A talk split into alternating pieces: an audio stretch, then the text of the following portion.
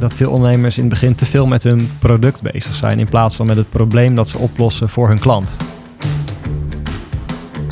Volgend jaar wil je al in de 20 steden zitten. Ja, dat is wel de ambitie inderdaad. Ik ben echt ondernemer en ik vind het heel tof om het gewoon tastbaar te maken en, en uit te voeren. Welkom en leuk dat je luistert naar de Nieuwe Makers podcast. De podcast waarin we jou meenemen in gesprekken met inspirerende ondernemers die mogelijk de wereld gaan veranderen binnen nu en 10 jaar. In deze aflevering zit ik weer met collega Jens van Sales en met Nieuws Meijsen. Ook wel de meest inspirerende ondernemer van 2020. En jij hebt ontzettend veel ervaring met startups. Je hebt ook de Master Management of Innovation afgerond, wat heel erg passend is. En mijn eerste vraag is daarom ook: uh, hoe groot is die druk die jij voelt als meest inspirerende ondernemer van 2020? Ja, in het verleden behaalde resultaten bieden geen garantie voor de toekomst, hè jongens? Dat is, uh... Nee, dat is waar. nou ja, het klopt inderdaad. Dus, uh, ik heb inderdaad innovatie gestudeerd, dus ook hier op loopafstand op de Erasmus Universiteit. Die innovatiemassa richt zich wel meer op, op corporates eigenlijk. En het, echt het innovatieproces en hoe je dat managt en hoe je daar keuze in maakt. Maar er is wel heel veel overlap inderdaad ook met, met beginnende bedrijven.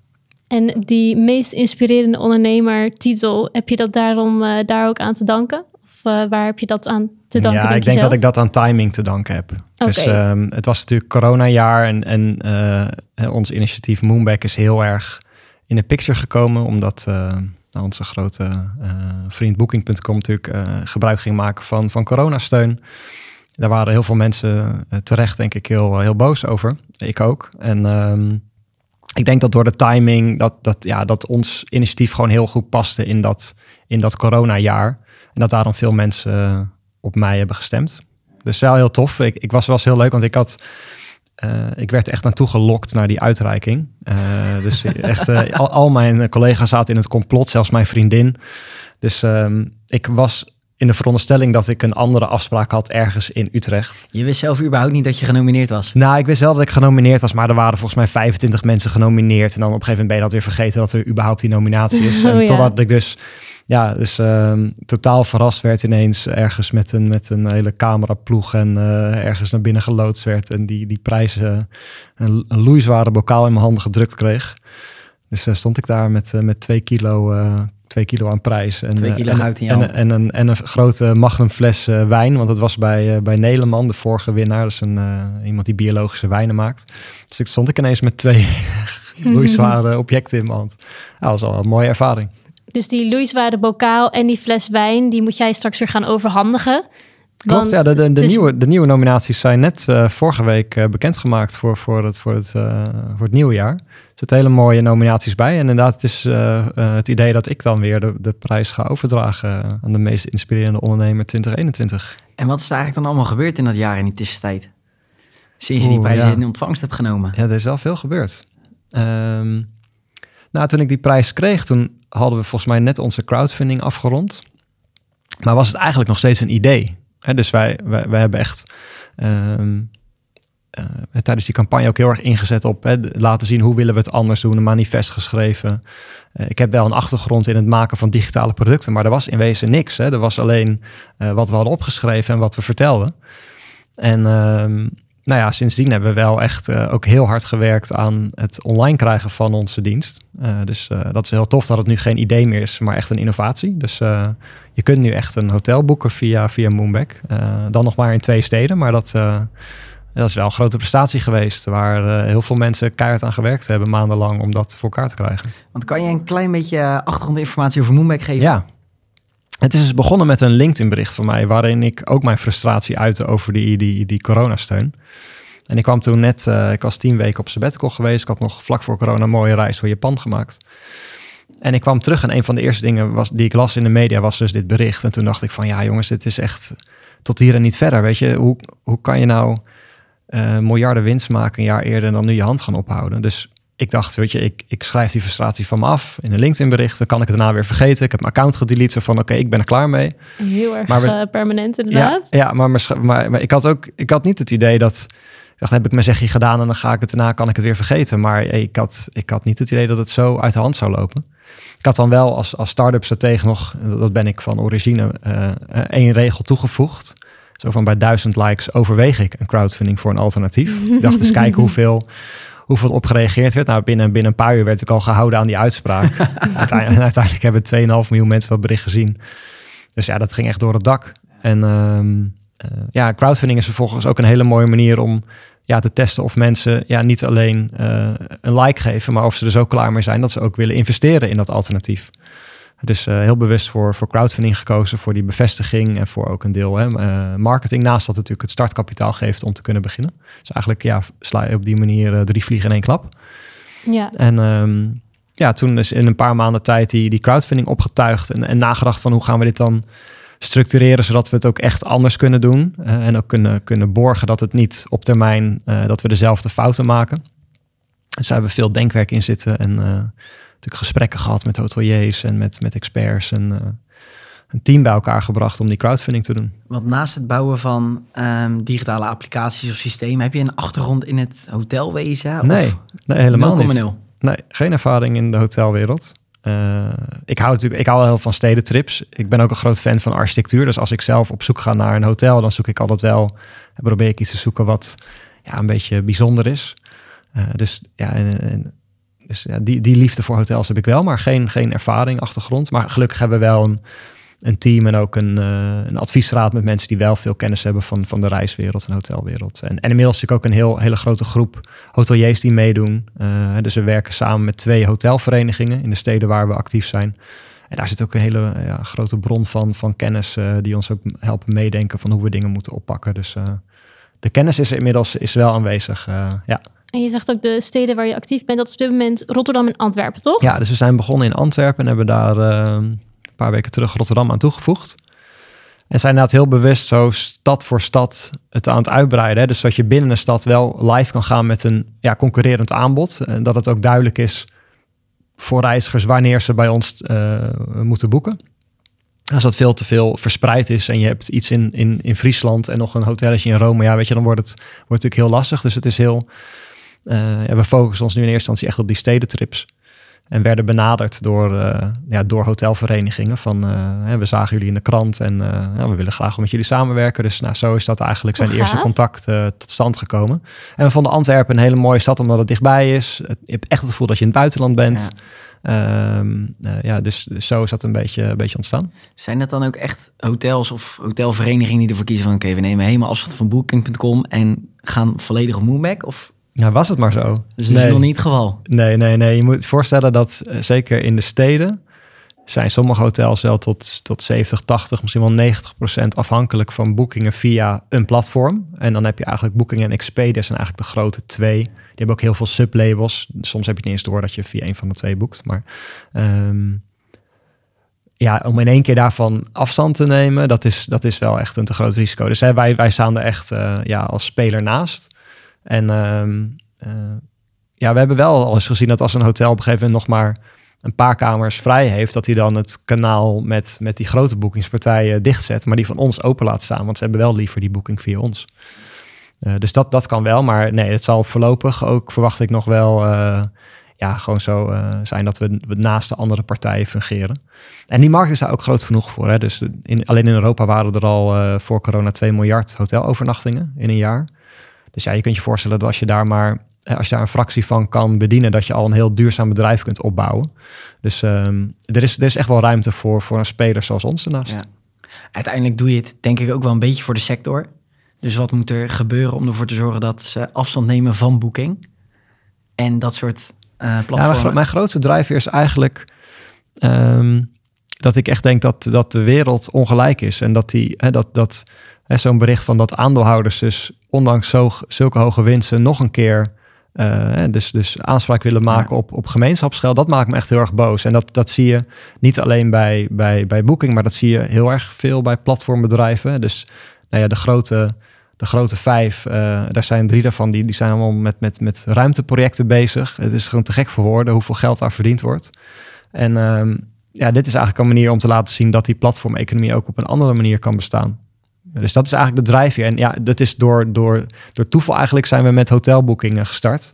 Um, wat ja, natuurlijk een fantastische case is om het gewoon heel concreet te maken. Hè? Want ik ben, ik ben wel echt een doener. Dus um, ehm, ja, het is ook heel makkelijk om ja, daar allemaal mooie ideeën bij te hebben. Mensen hebben ook wel eens tegen mij gezegd van... goh, had je niet beter de politiek in kunnen gaan? Daar zit ik ook wel soms een kern van waarheid in. Maar nee, ik ben echt ondernemer en ik vind het heel tof om het gewoon tastbaar te maken en, en uit te voeren. En ja, de hotelmarkt is daarvoor denk ik uh, super geschikt. En dat is ook uh, een reden waarom jullie, of dat heb ik in ieder geval gelezen, ik weet ook niet in hoeverre dat waar is. Maar een extra reden om voor crowdfunding te kiezen is omdat je dan mensen hebt die daar ook nog een beetje je voor kunnen hoeden dat het meer om het winstmaken gaat dan om daadwerkelijk de markt te verbeteren. Ja, dus dat is ook een belangrijke reden inderdaad voor crowdfunding. Dat je niet een paar hele grote aandeelhouders hebt die uiteindelijk toch, hè, die dan toch om de winst te doen is. En overigens hebben we daar nog veel meer maatregelen voor genomen. Dus we, zijn, we zijn opgericht volgens principes van steward ownership. Dus we hebben heel erg nagedacht, hoe kunnen we nou een bedrijf zo oprichten dat dat niet kan gebeuren. Um, dus bijvoorbeeld stemrecht en winstrecht zijn uit elkaar gehaald. Waardoor wij als founders uh, eigenlijk ja, altijd uh, verantwoordelijk blijven voor de koers van het bedrijf. En niet die winstprikkel de overhand kan krijgen. Ook allerlei limieten ingesteld over hoeveel geld we zelf kunnen verdienen met, met, een, uh, met eventueel dividend in de toekomst. Interessant. Dus hè, dat bijvoorbeeld al een soort van ja, gelimiteerd, zodat je ook niet je eigen belang kan laten, de doorslag kan laten geven om ja, toch weer te gaan voor het geld. Hè? Dus we kunnen bijvoorbeeld ook niet gekocht worden door, door een grote speler. dus dat, dat is iets zeg, wat veel mensen zeggen van ja, maar dan, als het dan goed gaat, dan word je toch alweer gekocht. Ja, dat kan dus gewoon niet.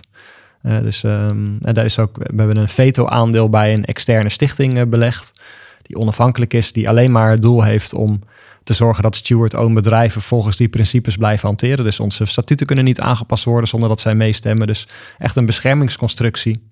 En dat moet je echt aan het begin doen, want als je het niet doet, ja, dan is het heel moeilijk om dat later weer te veranderen. Ja, precies. Ja, en ik denk dat dat dan ook ongeloofwaardig wordt. Ja, dus ja. Um, dit, dit, dit is natuurlijk Kijk, je kan wel zeggen van ik wil het anders doen. En mensen kunnen misschien nog wel mij op een blauwe ogen geloven. Maar ja, misschien ben ik over vijf of tien jaar ga ik weg, komen de andere mensen. En dan wil je ook dat het, dat het zo blijft. Dus door dat nu al helemaal in, uh, in met, met, statuten en uh, in contracten af te, af te dichten, hebben, hebben mensen de garantie dat het, dat het zo blijft. In, in je vorige bedrijf, je hebt best wel veel vorige start-ups. maar bij bijvoorbeeld dan de Cycle Society, ja, dat is heel lang ja, geleden. Dat is heel lang geleden. Maar daar had je bijvoorbeeld uh, geen crowdfunding actie opgericht. En daar nee. is het ook qua investering uh, daar fout gegaan. En is het niet, ja. heeft het niet echt daadwerkelijk het licht kunnen zien, het idee. Zou je daar wat meer over kunnen vertellen? Want wat is daar dan precies wel fout gegaan? En wat is dan goed gegaan ja, le bij leuk om, boeken? Leuk om dit, uh, de Cycle Society aan te snijden. Dat is zo lang geleden. Dus je hebt goed, je hebt goed in mijn LinkedIn uh, Zeker. tijdlijn geslagen. Nee, dat was, was wel een heel tof idee. Dat was een, um, uh, een vriend van mij, die is ontwerper. En die had een hele mooie vouwfiets ontworpen. Echt een fiets waarvan je dacht...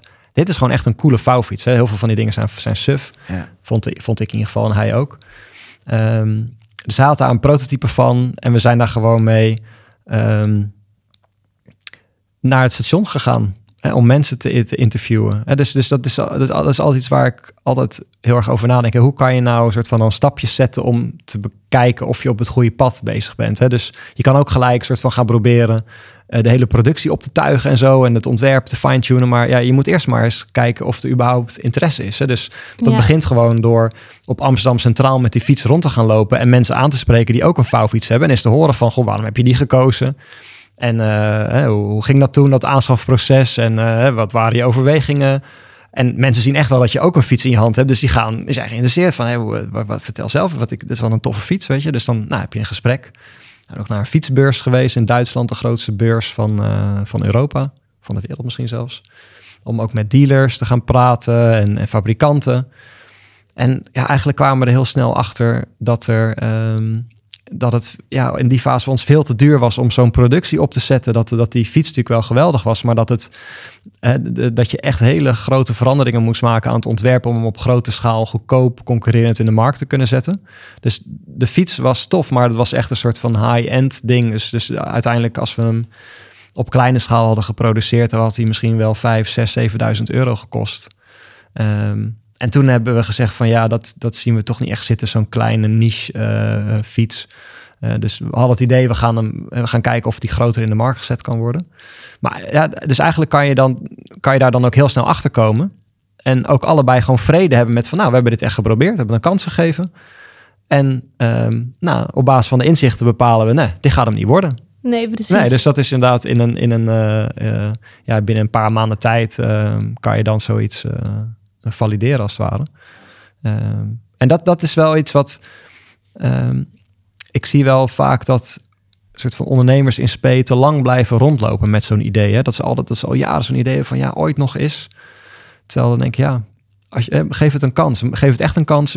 Probeer een paar van die onderzoeken te doen. En dan kan je er heel snel achter komen als je het op de goede manier doet. Of er potentie is, echt potentie is. Of dat je het beter gewoon kan laten rusten. En dan komt er ook weer ruimte voor nieuwe ideeën. Ja, het toont natuurlijk wel je ondernemersgeest dat je ook in zoveel verschillende branches ondernemingen dan eigenlijk start.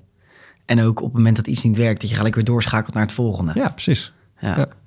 En dat heb jij ook zeker weten gedaan. Want na de Cycle Society kwam alweer een ander idee. Ja, En wat was, de, wat was die? Was dat meteen fellow al? Of was ja dat... Fellow heeft, is volgens mij de, de start-up die we... Waar daar heb ik echt al een paar jaar aan gewerkt. En die is ook doorverkocht. Ja, dus ehm, eh, dat was een app voor mantelzorgers. Ehm, een soort van, ja, heel simpel gezegd, een soort van WhatsApp gecombineerd met een gedeelde agenda. Dus zodat eh, families soort van met elkaar konden afstemmen van wie doet wat wanneer. En eh, zorgen dat je niet allemaal op zaterdag langskomt, maar dat het een beetje verspreid is over de week. En eh, daar werd heel goed op gereageerd. Dus die app hebben heel veel mensen gebruikt. Ik denk wel meer dan 100.000 in totaal. Alleen wij, ja, wij kregen het gewoon niet ehm, echt financieel van de grond. Dus het businessmodel eh, om dit duurzaam te kunnen blijven doen, dat, dat, dat lukte gewoon niet goed. Dus hebben we nagedacht van ja, welke partijen vinden het nou ook interessant, maar hebben niet gelijk een businessmodel nodig, omdat het ook gewoon ja, hun, hun merk versterkt. En toen zijn we in gesprek geraakt met een aantal verzekeraars en, en eh, hebben uiteindelijk met Dela eigenlijk een supermooie afspraak kunnen maken, zodat zij eh, hebben die, het bedrijf toen overgekocht. En ehm, daar ook nog gewoon een flink aantal jaren weer op geïnvesteerd. Nieuwe mensen, ook het echt het, aan- het aantal gebruikers laten groeien. Want toen wij, toen wij eruit stapten, denk ik dat er 15, 20.000 mensen gebruik van maakten. Dus hebben dat toch echt wel flink nog laten groeien. Ehm, ja, dat was gewoon ook een ontzettend leerzame periode. Dus ik was ook toen eigenlijk net uit de collegebanken. En ehm, in, in van die accelerators meegedraaid en, en prijzen gewonnen. En, en waar dan ook gekoppeld zat, niet alleen prijsgeld, maar ook begeleiding. Dus daar heb ik wel echt heel veel van mijn ehm, ja, ondernemersles Ja. als het ware geleerd in die, in die periode. Je gaf net aan dat je master goed toepasbaar was op corporates. Maar je hebt dus nooit bij een corporate ben je uiteindelijk aan de slag gegaan. Nou, ik ben na mijn studie wel nog twee jaar ben ik als consultant werkzaam geweest. Ehm, ik ben heel blij dat ik dat gedaan heb om, om toch wat werkervaring ook op te doen en inderdaad een wat grotere bedrijven te zien. Heel veel van geleerd. Maar ja, ik wist eigenlijk al wel vanaf eh, studietijd al dat ik uiteindelijk wilde gaan ondernemen. En het was meer de vraag van ja, met welk idee eh, ga je dat dan doen? Eh, dus nee, je ziet, eh, ik heb een aantal ideeën zijn, zijn de revue gepasseerd. En eh, ja. En je helpt ook andere start-ups. Want je zei ook al eerder dat je start-up strateeg bent. Ja, dus ik eigenlijk die, die fellow tijd was eigenlijk een beetje parallel. Hè? Dus natuurlijk best, je moet toch ook uiteindelijk een boterham verdienen. Dus ehm, die fellow, dat deden we toen eh 50-50 ongeveer. Dus ik met, met, met vier co-founders deden we voor de helft eigenlijk ja, website en app-projecten voor klanten. En de andere helft werkte we dan aan fellow. En toen we ehm, Fellow verkochten, toen ben ik nog een, ik denk twee, drie jaar echt fulltime met Today Tomorrow ehm, eh, bezig geweest. Inderdaad in de rol als start-up stratege. Dus dan, ja, ik hielp echt heel veel ondernemers die dan met ons kwamen met een idee om dat uit te laten voeren. Om inderdaad nog een aantal validatiestappen te doen of te testen van hoe, hoe dan precies. Want Today Tomorrow voor de luisteraar, dat is dus uh, Onze digitale studio inderdaad. precies die, waar je eh, dus ook apps ontwikkelt. Ja, dus uh, waarin we eigenlijk alles met pixels maken. En dat heel vaak doen inderdaad voor, voor startende bedrijven die funding hebben opgehaald of voor corporate startups. Um, dus daar ja, ben ik dus, uh, heb ik ook heel veel ideeën en ondernemers uh, geholpen. En um, ja, toen dus nadat, wat, waar we het over hadden, nadat, na die sabbatical van tien weken en dat bericht op LinkedIn eigenlijk met Moonback gestart. Gelijk fulltime. En na ja. al die lessen die je dan hebt geleerd door eerst de Cycle Society, de Fellow en ook door andere startups te, te begeleiden, ja. welke valkuilen heb je daardoor eigenlijk een beetje ontweken tijdens het opzetten van Moonback? Ja, de grootste valkuil die ik zie bij ondernemers, waar ik ook zelf keihard ben ingestapt, dat is eigenlijk dat je um, dat veel ondernemers in het begin te veel met hun product bezig zijn, in plaats van met het probleem dat ze oplossen voor, uh, voor hun klant. Dus dan krijg je een soort... ehm, ehm, als je dan bijvoorbeeld ook mensen gaat interviewen en gezegd, kijk, ik heb hier echt een eh, van, er staat een glas water voor me, dus eh, zeg je, kijk, ik heb hier een fantastisch glas, eh, wat vind je daarvan? En dan ga je door je vraagstelling, door je manier van vraagstelling, ga je hele sociaal wenselijke antwoorden krijgen. Hè? Want mensen zeggen dan van, nou ja, nou, ik eh, zie inderdaad dat wel, eh, dat glas, als dat er komt, dan denk ik misschien wel dat ik daar interesse in zou hebben. Nou, en dan denk je, yes, dit is iemand die gaat dit kopen. Eh, maar dat is helemaal niet zo. Iemand heeft gewoon, omdat jij vraagt, eh, wat vind je van het glas en niet soort van jou voor de kop wil stoten, Ja. die, geeft hij gewoon eh, een beetje een soort van een half antwoord. Ja. Ehm, eh, maar het is dus heel erg de focus op dat product. Terwijl in die beginfase is het juist belangrijk om, nou, wat ik net bijvoorbeeld dat, dat voorbeeld van ehm, met zo'n eh, vouwfiets eh, naar het station gaan, om gewoon mensen te spreken en gewoon te vragen van, goh, eh, nog niet over je product hebben, helemaal niet, maar alleen gewoon in hun belevingswereld te duiken. Hè, door vragen te stellen van inderdaad, hoe heb je vorige keer, hoe is die aanschaf gegaan? Welke fiets heb je toen vergeleken? Waar lette je op? Wat heeft de doorslag gegeven om deze te kopen? Hè, gewoon heel veel echt vragen naar daadwerkelijk gedrag, waar mensen ook niet eh, sociaal wenselijke antwoorden op, op, eh, op kunnen geven. En dan pas later al die inzichten bij elkaar te vegen en te denken, kijk, dit horen we vaker terugkomen. Ik heb natuurlijk ook een product in mijn achterhoofd. Nou, dan gaan we met die inzicht gaan we daar aanpassing op maken. En dan pas is een keer met je product bij die mensen opnieuw terug te komen van, nou, ik heb heel veel mensen gehoord en wat ehm, zou je dit, zou je deze kopen? Eh, dus en, en, daar zijn ook best veel boeken over geschreven. De MOM-test heet dat boek, eh, waarbij je ehm, ja, eigenlijk getraind wordt om de juiste vragen te stellen. En op de juiste momenten de eh, bepaalde onderdelen van het gesprek aan te gaan. Eh, het heet de MOM-test, omdat als je, het, als je het beheerst, dan kan je zelfs aan je eigen moeder kan je vra kan je eerlijke, ant kan je eerlijke antwoorden krijgen zonder, zonder goed bedoeld voorgelogen te worden. Ehm, maar de, soort van die, ex, die, die focus op het eigen product in plaats van het probleem van je klant. eh, en daardoor eigenlijk te lang soort van ehm, aan iets doorbouwen wat eigenlijk het net niet, net niet goed eh, eh, kans heeft op de markt. Dat is denk ik wel de grootste valkuil waar ik dus zelf ook in ben gelopen. Hè? Want Ja. met, met Fellow was het gewoon... Oh ja, dat, eh die, dat mantelzorg, hè, dat is echt een probleem. En joh, kunnen we toch gewoon een appje voor maken? Hè? Dus echt ook heel erg met, met zo'n met zo'n productfocus erin. Terwijl ik denk dat als ik misschien dat nu opnieuw zou doen, waar ik soort van ja, drie, vier jaar over heb gedaan. Ik, ik weet zeker dat ik in een half jaar eh, nu een soort van dezelfde stappen zou kunnen maken. Ja. Of tot dezelfde inzichten zou kunnen komen, laat ik het zo zeggen. Om, om, om eh, ja, een soort van eh, de toekomst op te baseren. Want heb je op dit moment voor Moonback een hele specifieke doelgroep? Nou ja, we, we richten ons dus heel erg op die stedentrips. Hè? Dus daarmee eh, ma- maak je wel een hele scherpe keuze. Ehm, dat is natuurlijk deels op basis van het volume. eh, want er gaan gewoon heel veel mensen op stedentrip. Ja. En, het, en het geeft ook een goede focus. Hè? Dus je kan heel gericht nu stad voor stad dat aanbod uitbreiden. Ehm, eh, maar inderdaad, daar, daar, dan heb je wel echt een eh, ja, wat scherpere keuze in wie ook daar de doelgroep voor is. Ja. Dus we zien nu bijvoorbeeld veel dat er, dat er mensen zijn die, ehm, waarbij de kinderen al het huis uit zijn, die hebben dan wat meer tijd, wat meer geld om een, eh, om een stedentrip te doen. Dus we zien bij de eerste boekingen dat er eh, eh, ja, wel echt een bepaald soort doelgroep ontstaat. Dus zijn we nu op dit moment ook, as we speak, ik heb vandaag nog een interview gedaan, zijn we dus ook veel mensen aan het spreken die hebben geboekt bij ons om te leren van hè, waarom hebben ze precies voor ons gekozen. Hoe, was de website? eh, welk, en ook te leren van, zitten ze nou vaak op social media? Welke websites nou? Om een soort van beter ja, in te kunnen gaan schatten, waar kunnen we nou meer mensen zoals zij vinden? Die ook dan eh, een hogere kans hebben om eh, door ons verhaal aangetrokken te worden en een boeking te doen. Ja, want hoe heb je voorafgaand daaraan dan je doelgroeponderzoek gedaan... als je die nog niet specifiek op dat moment gedefinieerd hebt? Eigenlijk niet echt. Kijk, we hebben natuurlijk wel heel veel potentiële reizigers gesproken en ook hoteliers om eh, bij het ontwerpen van dit eh, van het product. Maar wat in, wat in wezen wat een klein beetje anders is in, bij Moonback is dat de markt is al gevalideerd.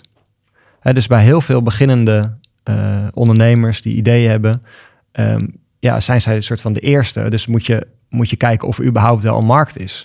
In ons geval zijn er een paar hele goede voorbeelden van bedrijven die ontzettend veel geld verdienen met hetzelfde soort product. Dus die markt die is er wel. Hè? Dus op Ja. basis van, van, van data kan je, kan je gewoon zien hoe groot die, eh, die markt is. Wat ik al zei, die 2 miljard overnachtingen.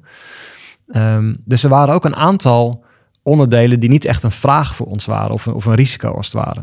Ehm, eh, dus we hebben wel heel erg interviews gedaan om te leren van oké, wat vinden mensen nou wel of niet fijn aan zo'n booking site.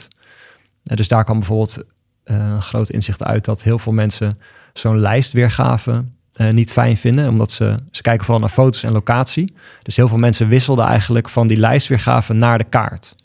En dat natuurlijke gedrag hebben wij eigenlijk gekopieerd door bij ons bij Moonback gewoon gelijk mensen op een kaart te laten beginnen. En dus op die manier wel je doelgroep onderzoek. Ehm, maar goed, het was minder de vraag: zouden mensen een website willen gebruiken om een hotel te boeken? Ja, Nee, dat wel weten we precies. wel. Ja, ja, precies. En nu heb je dan Antwerpen en Rotterdam op de kaart gezet, letterlijk. En welke andere steden staan op de planning en hoe snel zou je dat willen realiseren? Ja, de volgende stad zijn we al wel mee bezig, maar dat moeten we nog bekend gaan maken. Ehm, Is het nog een geheim of is kan nog, is, nog, is nog een geheim. Ah, jammer. Eh, dus er, er komt nog een, eh, een grote derde stad bij. En dan is het denk ik, hebben we drie hele mooie steden om soort van op kleine schaal te laten zien dat het werkt. Dat we weten wie de early adapters zijn. Eh, dat we kunnen laten zien dat we die mensen weten te bereiken. Dat ze uiteindelijk een boeking doen. Ehm, en met dat bewijs willen we eigenlijk volgend jaar opnieuw een crowdfunding doen. Om daarna ja, het team uit te breiden en ook ja, heel snel op te schalen naar de top 20, 30 steden van Europa. Dus dat staat echt op de, de roadmap voor, voor volgend jaar. Volgend jaar wil je al in de 20 steden zitten. Ja, dat is wel de ambitie inderdaad. En ehm, zijn er ook veel grote financiële verschillen voor gebruikers van bijvoorbeeld een Booking.com en Moonback? Dat het echt letterlijk bij jullie ook een stuk minder geld kost, omdat jullie commissie misschien een stuk lager is? Ja, dus onze commissie is inderdaad een stuk lager. Dus wij gebruiken het, eh, de 10-3-0 formule. Dat betekent 10% commissie over de eerste boeking. 3% als dezelfde gast nog een keer terugkomt. En 0% over extra's, zoals bijvoorbeeld een ontbijt. Eh, dus dat is stukken lager dan, dan andere platformen. Dus voor, voor de, ja, de accommodatie-eigenaren zit daar echt een heel duidelijk financieel eh, verschil. Het is nog moeilijk om dat direct terug te geven aan de reiziger.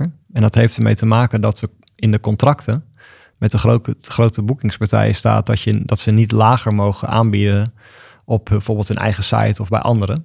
Ehm, en nou goed, daar is ook wel wat beweging in. In sommige landen is dat al verboden door mededingingsautoriteiten. Dat dat, dat eh, vrij moet zijn welke prijs je waar aanbiedt.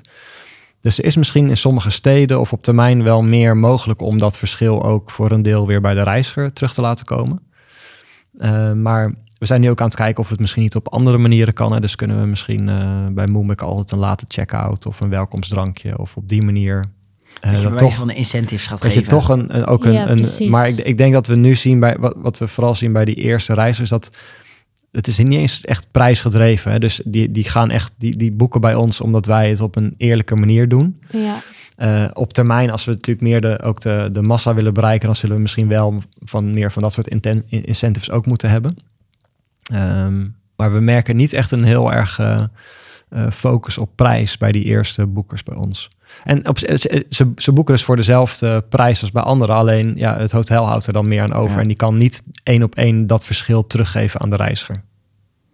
Ik, maar ik heb toevallig vanmiddag wel een artikel gelezen, ehm, of in ieder geval een artikel waarin jij aangaf van, joh, uiteindelijk is de commissie van, van dat soort platformen zo hoog geworden, ehm, dat de hoteliers dat gewoon bij de reiziger op dit moment aan het verhalen is. Ja, de, de, de, de prijzen in de hotelwereld zijn zeker daardoor gestegen. Ja. Dus, dus kijk, die, uiteindelijk betalen wij die commissie natuurlijk als Ja. reiziger. Dus eh, er worden, ja, eh, wat is het, iets van 15, 15 miljard omzet bij Booking. En uit mijn, ik weet niet uit mijn hoofd wat Expedia doet, maar ja, uiteindelijk betalen wij als reiziger die bedragen. Want een hotel moet ook natuurlijk gewoon ehm eh, Ze kosten zijn betalen en er wat aan Ja, precies. Dus ja. Ja. dus eh, ja, het is wel aangetoond dat eh, de prijzen zijn gestegen in de, in de afgelopen jaren, omdat die commissie ook steeds verder is opgeschroefd. Hoe groot moet het marktaandeel dan zijn van platformen zoals jullie, voordat de machtspositie van zo'n Booking.com echt drastisch verlaagd wordt? Dat vind ik moeilijk om, om een antwoord op te geven. Maar kijk, het is wel zo dat als wij 1% marktaandeel zouden hebben, dan zouden we al een waanzinnig succesvol bedrijf hebben, eh, wat levensvatbaar is. Ehm, dus ja, het is niet alsof wij die grote spelers hoeven te verslaan om, soort van het, eh, om het voor mij een soort van eh, ja, als een succes te bestempelen. Als wij gewoon een mooi bedrijf kunnen opbouwen en we kunnen al die crowdfunders terugbetalen en, en, eh, en we kunnen er als alternatief zijn. Dat kan ook met, met, met een stuk minder. Dus ik zou zeggen, als wij gewoon eh, levensvatbaar zijn, dan vind ik het geslaagd. Ehm, ja, en met hoeveel. En dan is het soort van ja, de sky is the limit. Weet je, Ehm, eh, dan zien we wel hoe ver, het, hoe ver we komen. Ik ben heel erg benieuwd naar het marktaandeel wat je daadwerkelijk ook gaat behalen. En naar de steden die je volgend jaar allemaal gaat veroveren. En heel erg bedankt dat je bij ons aan tafel wilt zitten. Graag gedaan. Is leuk om te doen. Dankjewel. Bedankt voor het luisteren. Wil jij de volgende aflevering niet missen? Abonneer je dan op Nieuwe Makers op jouw favoriete platform. En vergeet deze aflevering niet te delen, een review achter te laten en geef ons wat sterren. Dat stellen we zeer op prijs. Meer informatie over Nieuwe Makers en onze gast is te vinden in de beschrijving. En tot de volgende keer.